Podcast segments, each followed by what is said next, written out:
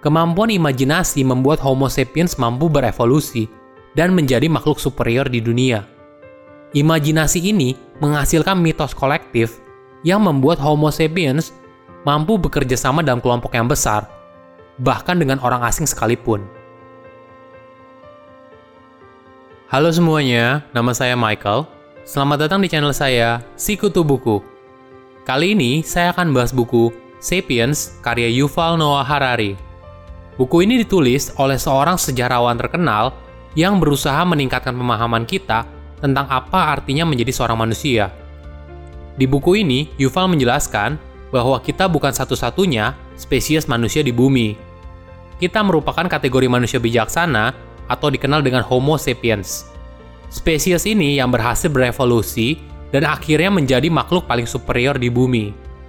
Hal lain yang menarik yaitu bagaimana Homo sapiens merupakan pembuat mitos yang menggunakan imajinasi dan bahasa untuk menciptakan dunia baru dan kemungkinan tanpa batas. Di buku ini, Yuval membagi tiga fase revolusi manusia. Revolusi kognitif, revolusi agrikultur, dan revolusi saintifik.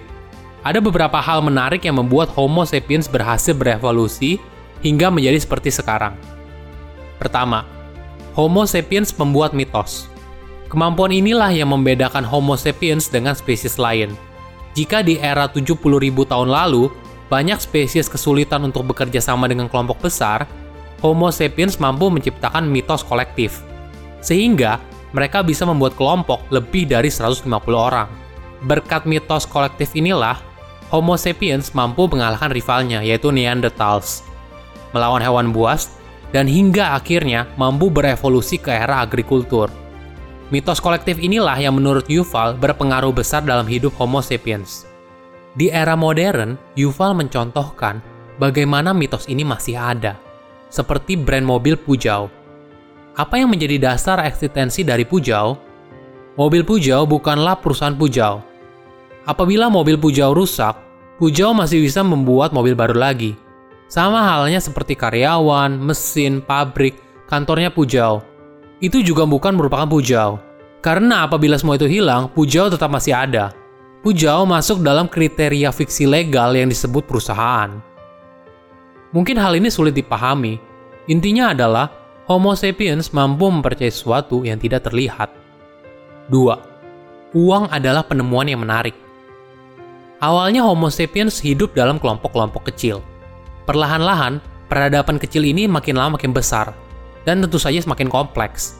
Karena ada tiga faktor pemersatu, uang, kerajaan, dan agama. Uang, menurut saya, penemuan yang paling menarik. Catatan tertua soal uang adalah uang Sumeria yang berupa gandum. Sekitar 3000 tahun lalu sebelum masehi, jadi, surplus gandum yang dimiliki seseorang bisa digunakan untuk membeli minyak, kambing, atau apa pun selain gandum. Walaupun begitu, sulit untuk membangun kepercayaan pada masa itu dengan menggunakan sistem barter. Karena pasti sangat repot buat dibawa dan juga untuk dikirim. Barulah ketika penemuan shekel perak di era Mesopotamia, ini yang kemudian menjadi terobosan terbaru soal uang, karena mudah digunakan. Nah yang menarik adalah shekel itu nggak kayak gandum. Shekel perak itu nggak bisa dikonsumsi. Tapi karena cukup banyak orang yang percaya bahwa nilai dari shekel perak itu, kemudian membuat semua orang menggunakan shekel perak sebagai alat tukar. Penemuan uang adalah sistem terpercaya yang bisa menjembatani orang tanpa memandang apa pun latar belakangnya. Bahkan, orang yang tidak kenal sekalipun bisa bekerja sama dengan baik dan mempercayai nilai dari sebuah uang. Ketiga, kedamaian dunia yang semakin awet. Di masa lalu, perang mungkin hal yang umum, tapi semakin maju sebuah peradaban, perang secara fisik pelan-pelan mulai ditinggalkan. Yuval menjelaskan ada dua hal yang mendasari hal tersebut. Pertama, harga sebuah perang itu semakin mahal. Dengan adanya senjata nuklir, hampir tidak mungkin membuat sebuah negara melancarkan dominasi global dengan cara perang. Senjata nuklir telah membuat perang antar negara besar menjadi bunuh diri secara kolektif. Kedua, keuntungan hasil perang semakin kecil. Dulu, pemenang perang dapat mendapatkan rampasan perang, seperti tanah, budak, emas, dan hewan ternak. Sekarang, kekayaan sebuah negara berasal dari sumber daya manusianya, teknologi, dan struktur sosial ekonomi yang kompleks seperti bank. Kemampuan imajinasi membuat Homo sapiens mampu berevolusi dan menjadi makhluk superior di dunia.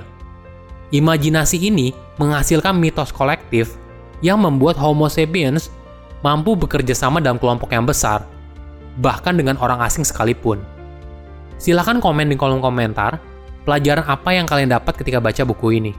Selain itu, komen juga mau buku apa lagi yang saya review di video berikutnya. Saya undur diri, jangan lupa subscribe channel YouTube Sikutu Buku untuk versi animasinya. Bye bye.